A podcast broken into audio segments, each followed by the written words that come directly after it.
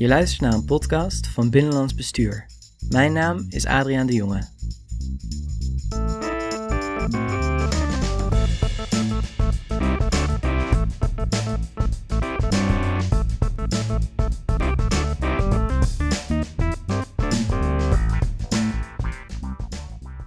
Na maanden van lockdowns, mondkapjes en contactbeperkingen gaat de samenleving langzaam steeds verder open.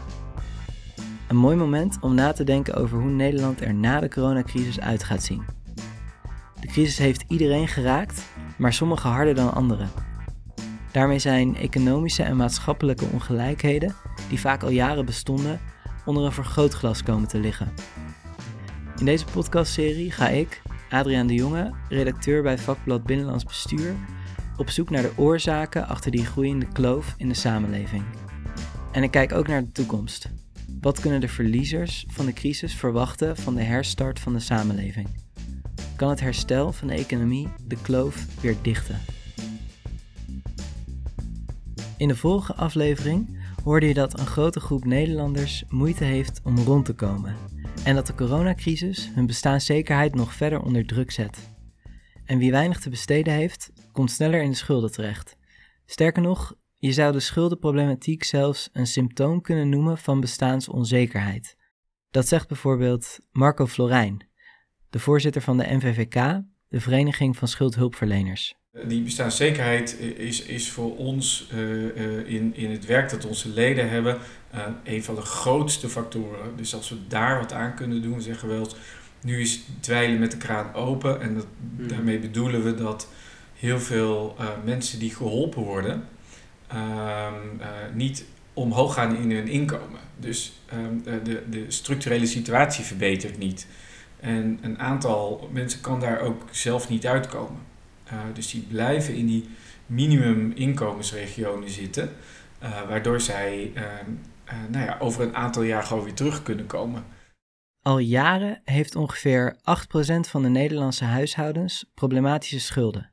Ongeveer 1 op de 12 dus. Dat zijn ruim 600.000 huishoudens in Nederland. Meer dan het totaal aantal huishoudens in Rotterdam en Den Haag bij elkaar. En er is iets geks aan de hand met ons schuldenprobleem.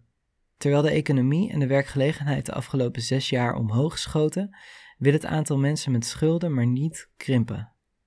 Waarom dat zo is, hoor je in deze aflevering. Het is fascinerend, want als je van een afstandje ernaar kijkt, is het niet logisch dat de schuldenproblematiek zo groot blijft, terwijl we inderdaad ook voordat corona uitbrak de werkloosheid op een historisch dieptepunt. En dieptepunt in positieve zin was omdat hij zo ontzettend laag was. Maar eerst praat ik met Farley van Heidoorn.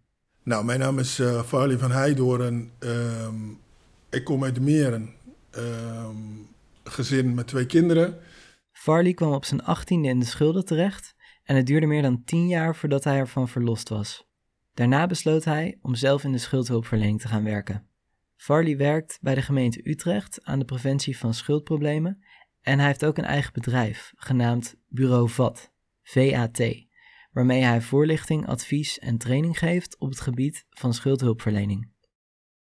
Uh, zelf ben ik ook ervaringsdeskundige lang geleden heb ik zelf in een traject uh, doorlopen. En sindsdien heb ik bewust gekozen om me verbonden te blijven met uh, schuldenthema. Want het is een thema die alle leefgebieden raakt. En het is voor mij een thema die mijn leven op zijn kop heeft gezet. Zullen we daarmee beginnen met je eigen ervaringen? Hoe kwam het dat je met schulden te maken kreeg? Um, nou, ik zou. Uh, toen zou ik zeggen dommigheid en nu zeg ik onwetendheid. Um, ik ben meteen na mijn achttiende uh, flink in de schulden gekomen. Uh, omdat ik gewoon simpelweg mijn referentiekader voor wat betreft um, financiën en hoe ga je daarmee om, was gewoon leeg. Dus ik, ik kon nergens uh, bij mezelf advies halen. En je gaat ook niet zo gauw advies vragen aan iemand anders, omdat je je schaamt. Want je gaat vanuit dat je een beetje kan rekenen en met cijfers om kunnen gaan. Dat anderen dat zo van je denken. Dus ik heb um, vanaf mijn achttiende heb ik zo rondgelopen met mijn schulden tot toen ik 4, 25 was. Daarna ben ik gevlucht naar het buitenland, ook door mijn schulden. Hè. Daar komen de, hè, de uh, copingmechanismen, vluchten, vluchten, uh, vechten, vluchten, vriezen. Ik heb alle drie gehad en nu, als ik terugkijk naar mijn verhaal, dan zie ik ze ook allemaal heel scherp terugkomen. Eh, dat ik eerst heb gevochten, dat lukt niet. Nou, daarna krijg je, hè, dan doe je de deuren dicht en dan doe je je post niet meer open. Maar dat gejaag op jou geeft je toch het gevoel van, ik moet hier weg gewoon. En dat heb ik ook letterlijk gedaan. Ik ben uh, naar het buitenland gegaan. Ehm, daarna ben ik weer teruggekomen en toen is het weer van vooraf aan begonnen. Een jaar later met de schuldeisers, die konden me weer vinden. En uh, ja, dat ging van, van kwaad naar, naar erger. Maar ja, ik kon niet meer vluchten en ik kon niet meer vechten. Dus ik, ik, ik vroor. Ik bleef daar staan en ik mm. deed helemaal niks meer. Ik, doe, ik deed alsof, alsof, alsof het probleem niet bestond eigenlijk. En hoe, hoe komt het dat je in een bepaalde mindset terecht kan komen dat je denkt dat vluchten naar het buitenland de beste optie is? Hoe kom je? Dat is echt een hele goede vraag. Het is, het is een mindset die je zelf niet. Ja, je, kan, je kan je mindset uh, uh, zelf richten door te zeggen van nou ik doe dit niet meer, ik doe dat nu en ik blijf dat dan doen. Maar met schulden werkt het niet zo. Met schulden uh, neemt het beetje bij beetje verandert, verandert het jouw mindset. Zonder dat je dat in de gaten hebt. Hè, beetje bij beetje stop je met dingen die normaal zijn. Hè. Ik hoor ook als professional hoor ik wel eens mensen zeggen tegen cliënten van ja, maar dat wat je doet is toch niet normaal. Nou, voor mij en mijn lotgenoten, um, uh, ons gedrag wat niet normaal is, is voor ons normaal geworden. Dus een voorbeeld, telefoon opnemen. Vroeger nam ik mijn telefoon altijd op. Maar toen ik in de schulden kwam, stopte ik met mijn telefoon opnemen, omdat mijn hersenen gingen anders werken. De deur, als, de deur, als, als de deurbel ging, ging mijn hartslag omhoog. Vroeger, als de deurbel ging, voordat ik bewust was van mijn schulden, nou, dan ren ik naar de deur, want het is een bekende, het is een vriend, het wordt gezellig. Maar nu vlucht ik daarvoor. Uiteindelijk daalde het besef bij Farley neer dat hij hulp moest zoeken voor zijn schulden. Daarbij was er sprake van, zoals schuldhulpverleners dat noemen, extrinsieke motivatie. Hoe ben ik eruit gekomen? Door liefde. Ik kwam de liefde van mijn leven tegen. Eh, twintig jaar geleden in de trein. En ik was zo verliefd op haar dat toen zij mij betrapte, want zij betrapte me, hè, zij vond mijn post en dat soort dingen ook een keer. Uh, en ze zegt mij, nou, ik wil dat je hier iets aan gaat doen. En ik was zo verliefd dat ik dacht van, ik ga er ook wel wat aan doen. En zo ben ik hulp gaan zoeken. Mm. Um, en zodoende ben ik ook in een traject gekomen. Hoe ontstaan schulden? En wat voor impact heeft een economische schok zoals de coronacrisis daarop? Farley van Heijdorn legt uit dat je de oorzaken van schuldproblemen in vier categorieën kunt indelen. Je hebt schulden die ontstaan worden door compensatieschulden, overleving, overbesteding en aanpassingsschulden. Dat zijn de drie categorieën waardoor mensen schulden maken. Oké, die moet je even toelichten. Oké, als je hebt compensatieschulden, dan heb je heel vaak mensen die een, een, een, een, nare gevoel of een nare gedachte over zichzelf wil proberen te compenseren door misschien heel vaak te trakteren aan vrienden. Of te gaan gokken, of te gaan drinken, te gaan roken, blowen. Dat is compensatie. Je hebt uh, aanpassingsschulden. Aanpassingsschulden komen voornamelijk voor bij uh, mensen die hun uh, scheiding. Dan moet je je financiën gaan aanpassen. Mensen die hun baan kwijtraken door corona, aanpassingsschulden. Um, daar heb je overlevingsschulden. Overlevingsschulden zijn mensen die op randje zitten van, uh, van minima. Dus die een inkomsten hebben met alles erop en eraan van 1400 euro. En dan kan je ook zeggen van ja, maar sommige mensen werken. Maar als je bij de McDonald's werkt of ergens in een productie, dan verdien je gewoon niet genoeg dat als je koelkast kapot gaat of dat je flink kan sparen om op een vakantie te gaan. Of, dus dat is uh, uh, overlevingsschulden en overbesteding. Dat had ik zelf. Um, dat zijn mensen die gewoon genoeg verdienen, maar die net ietsjes meer uitgeven dan wat binnenkomt. Over de oorzaken van schulden spreek ik ook met Nadja Jungman. Mijn naam is Nadja Jungman. Ik werk als uh, lector schulden en incasso op de Hogeschool Utrecht. Wat weten we over de redenen waarom schuldenproblematiek ontstaat? Daar weten we op zich best veel van. Alleen het ingewikkelde is dat we niet weten hoe groot de verschillende groepen zijn.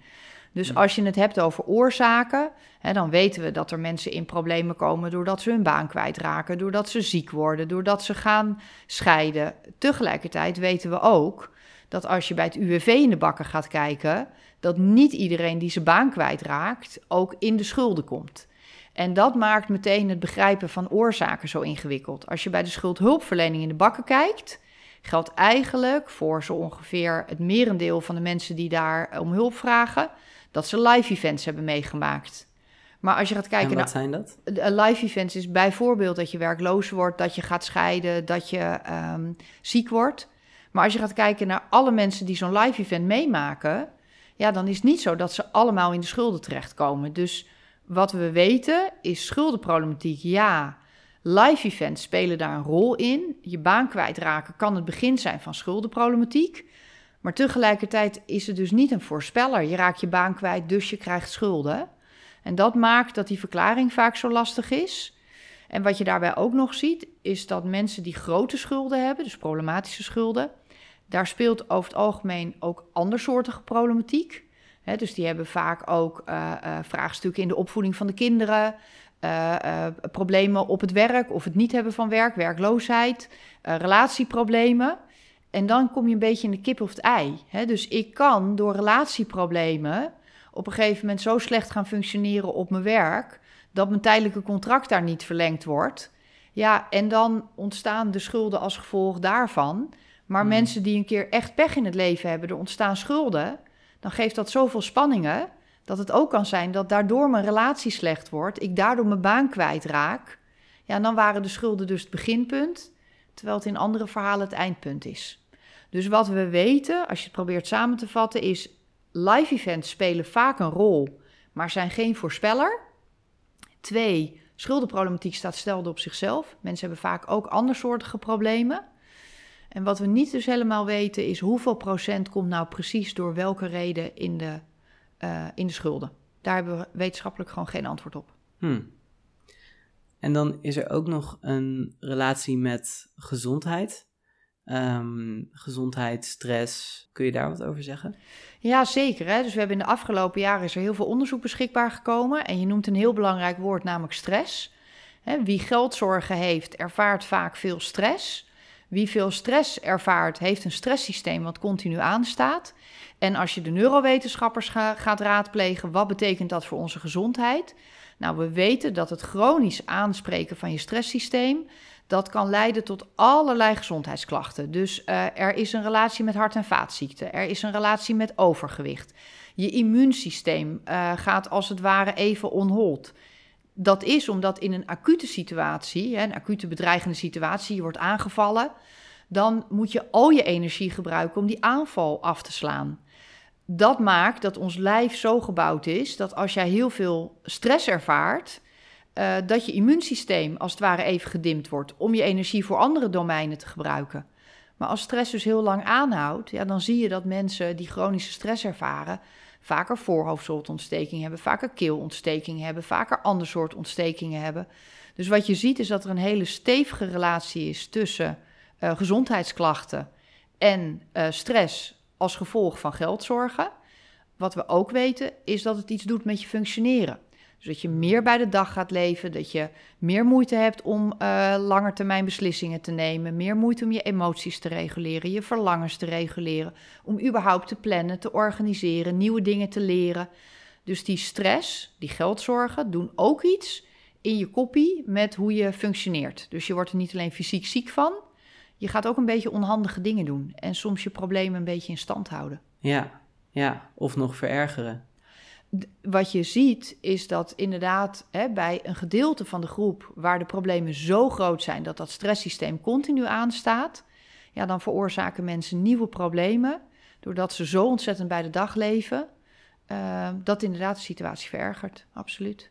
Kun je een voorbeeld noemen van wat er kan gebeuren als je bij de dag leeft vanwege stress? Ja, zeker. Hè. Wat je bijvoorbeeld ziet is dat hè, ouders met kinderen die vinden het heel ingewikkeld als de schuldenproblematiek groot is.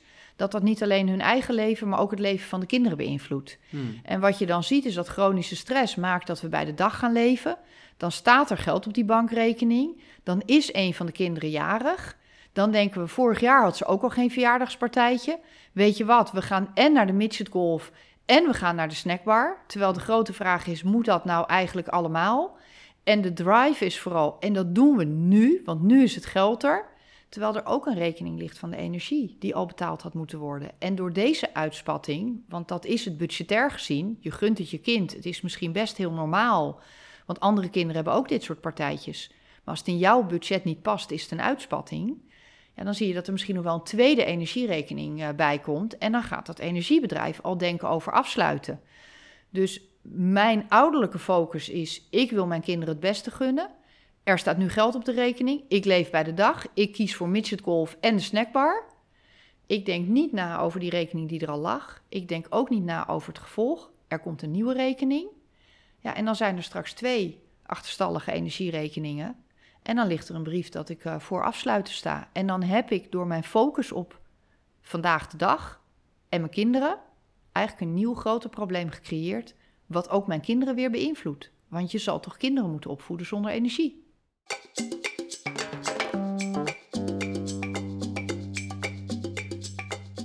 Wat het effect van de coronacrisis op de schuldenproblematiek is geweest, is nog niet helemaal duidelijk. We rijden in de mist, schreef schuldhulpvereniging NVVK in het jaarverslag over 2020. De verwachte vloedgolf aan hulpvragen vanwege de economische dip blijft voorlopig uit, maar tegelijkertijd blijft de angst bestaan dat zich achter de voordeuren wel degelijk schulden aan het opbouwen zijn, die nu nog onzichtbaar blijven. De ervaringen met de vorige economische crisis, die in 2008 begon, leren namelijk dat schulden zich pas in de jaren na de crisis laten zien, als een soort economische naschok. In de zomer van 2020 berekende de NVVK nog dat er in dat jaar sprake zou kunnen zijn van een stijging van 30% aan mensen die hulp nodig hebben met hun schulden. Die stijging is in de officiële cijfers nog niet terug te vinden en bovendien zijn de economische prognoses sindsdien een stuk rooskleuriger geworden. Toch moeten we nog niet te vroeg juichen. De gemiddelde vertroebelen het beeld, schreef NVVK-voorzitter Marco Florijn die constateert dat de pandemie zowel winnaars als verliezers kent. Hij maakt zich daarom zorgen over die groep verliezers, die vooral bestaat uit flexwerkers, ZZP'ers en jongeren in de hard getroffen sectoren, zoals horeca, cultuur en recreatie. Hetzelfde beeld kwam onlangs uit de conjunctuurenquête van werkgeversorganisatie VNO-NCW. Daaruit bleek dat ruim 1 op de 5 horecaondernemers al een problematische schuldenlast zegt te hebben. De Nederlandse economie herstelt weliswaar krachtig, schrijft de werkgeversvereniging, maar achter die klinkende macrocijfers gaat een andere werkelijkheid schuil. Ook Nadja Jongman maakt zich, ondanks de positieve economische vooruitzichten, zorgen over de schuldenproblematiek de komende jaren. Ze legt uit waarom. Omdat ik niet denk dat, als je kijkt naar wat we nu weten, corona het grote probleem is. Maar voor corona hadden we een aantal structuurproblemen. Eén structuurprobleem is dat een heel groot gedeelte van onze Nederlandse beroepsbevolking leeft op flexcontracten. Ja. En dus hebben wij een kwetsbare arbeidsmarkt, want een groot gedeelte van deze flexers zijn mensen met lage inkomens, vaak nul uren uh, baantjes, die als er maar iets tegen zit, meteen in de problemen komen. De Nederlandse bank liet vorig jaar februari weten, er is een grote groep die geen uh, uh, buffer heeft. En we zagen toen al een verhitte woningmarkt. Nou, als je die drie hmm. dingen bij elkaar optelt. Nederlanders hebben gemiddeld, al voor corona hadden ze weinig buffer. Nederlanders hebben relatief vaak een flexcontract en daarmee zijn ze kwetsbaar op de arbeidsmarkt. En dan als derde een woningmarkt die compleet op slot zit. Dus als ik flexwerk heb en mijn inkomsten vallen weg, dan is mijn grootste vaste lastenpost, namelijk mijn woonlasten. Daar kan ik in deze woningmarkt niets aan veranderen. Want ik mag al blij zijn dat ik een huis heb. En het idee dat ik een goedkoper huis kan vinden is een illusie. Daar maak ik me wel, daar maak ik me wel uh, zorgen over. Want je ziet nu een jonge generatie die niet richting koopmarkt uh, kan. Nou wil ik helemaal niet zeggen dat kopen voor iedereen het ideaal moet zijn. Uh, maar het is wel een manier om redelijk op stabiele vaste lasten terecht te komen. je ziet uh, ook mensen die als ze uit elkaar gaan eigenlijk niet meer twee huizen naast elkaar kunnen financieren. De dertigers, de veertigers met kinderen. Um, dus als je daar doorheen denkt, ja, dan hebben wij wel wat structuurvraagstukken, namelijk onze arbeidsmarkt, onze woningmarkt ja. en de mate waarin wij buffers hebben. Want als je ook naar de nieuwsberichten kijkt, die zijn juichend over ons spaargedrag. Maar wie hebben er vooral gespaard in het coronajaar? De mensen die al boven gemiddeld verdienden. Ja. En dat zijn niet de risicogroepen voor schulden. We hebben een ontzettend mooi snel economisch herstel, althans vooralsnog. Uh, met de kennis van nu lijkt dat uh, zo te zijn. Maar het lijkt er wel op dat, dat uh, um, verschillen tussen arm en rijk aan het vergroten zijn. Dus wat je natuurlijk wel ziet, is dat ook die onderkant van de arbeidsmarkt, dat er veel werk is nu. Dat is positief, want inkomen is een belangrijke weg om uit de schulden te komen. Um, Maar ik ben met name vanwege die drie structuurvraagstukken. Ehm, ben ik niet zo optimistisch dat het de komende jaren met de schuldenproblematiek wel mee zal vallen. Kortom, economisch herstel alleen is niet genoeg om het schuldenprobleem aan te pakken. En de ervaringen van de afgelopen jaren bevestigen dat. Ondanks de economische voorspoed in de jaren voor corona is het aantal huishoudens met schulden immers niet gedaald.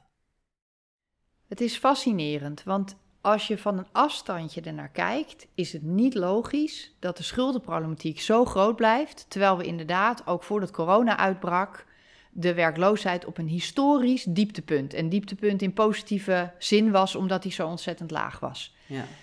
Toch kunnen we het verklaren. En hoe kunnen we het eh, verklaren? Als je kijkt naar de afgelopen tien jaar schuldhulpverlening in Nederland, dan zie je dat in 2008, we hadden het er net al over, even over, viel Lehman Brothers, begon de economische eh, crisis. De schuldenproblematiek bij huishoudens ging eigenlijk zo vanuit 2010, 2011 begon die eh, te groeien.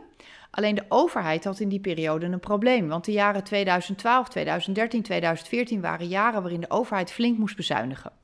Dus per 1 januari 2012 hielden voor gemeenten alle extra middelen die ze hadden gekregen om mensen met schulden te helpen, die werden gestopt. Veel gemeenten moesten zelf bezuinigen. Dus 2012 was het jaar waarvoor gold dat bij veel gemeenten het aantal aanvragen nog weer eens met 15% toenam, terwijl hun budget met 30% afnam.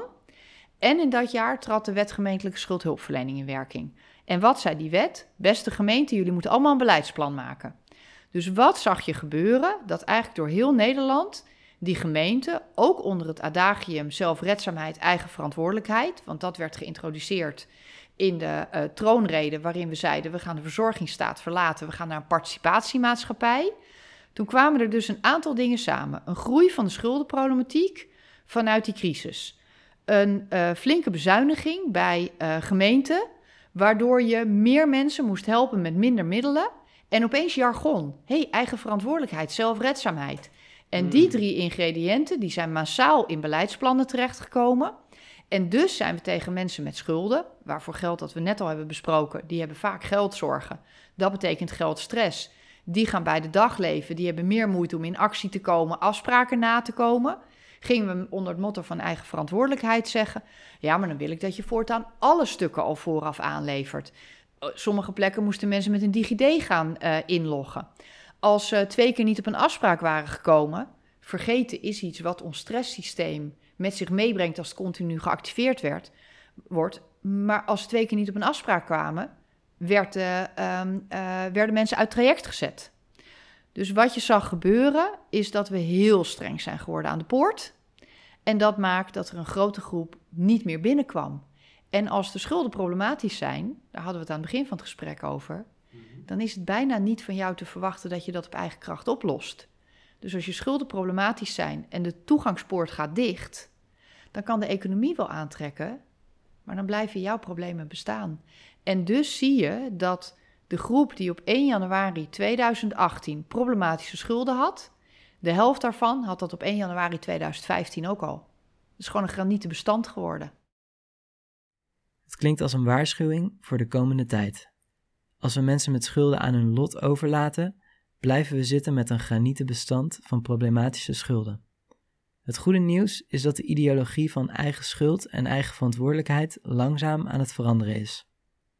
Tien jaar geleden, als je schulden had, was je eigenlijk ook gewoon schuldig. En dus was het jouw verantwoordelijkheid, eigen verantwoordelijkheid, zelfredzaamheid, om met je beste beentje voor ervoor te zorgen dat je modelgedrag vertoonde om uit de schulden te mogen komen.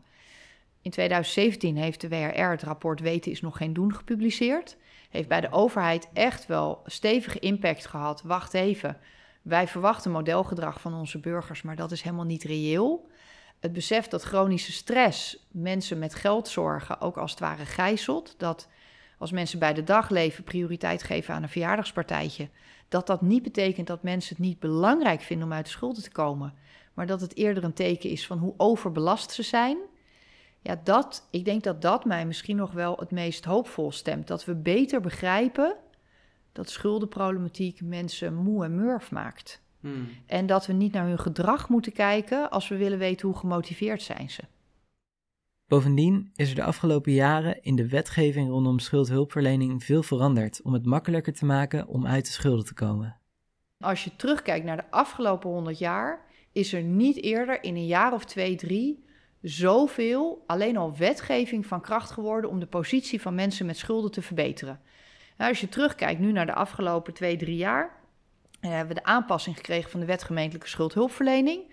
Dus Mhm. gemeenten krijgen nu de informatie van woningcorporaties, energiebedrijven, waterleidingbedrijven om achterstanden, bij achterstanden mensen actief op te zoeken. Gemeenten hebben de bevoegdheid gekregen om allerlei informatie eh, uit te wisselen en daardoor minder hinder van de, eh, eh, van de privacywetgeving. Gerechtsdeurwaarders mogen op lang niet meer alle goederen beslag leggen. We hebben een nieuwe vereenvoudigde beslagvrije voet gekregen. Nou, ik kan nog wel even zo doorgaan, maar het is een soort ongekende hoeveelheid aanpassingen ten gunste van mensen met schulden, Ja. ten koste van de positie van schuldeisers.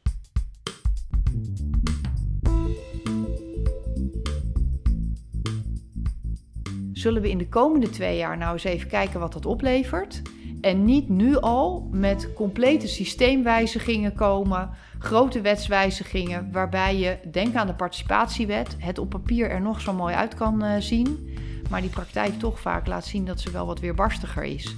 Dus gooi het kind niet met het badwater weg, maar ga nou eerst eens kijken wat al die wetgeving en al die aanpassingen in de afgelopen twee, drie jaar, wat die opleveren. En als dat niet genoeg is, ga dan fundamenteler aanpassen.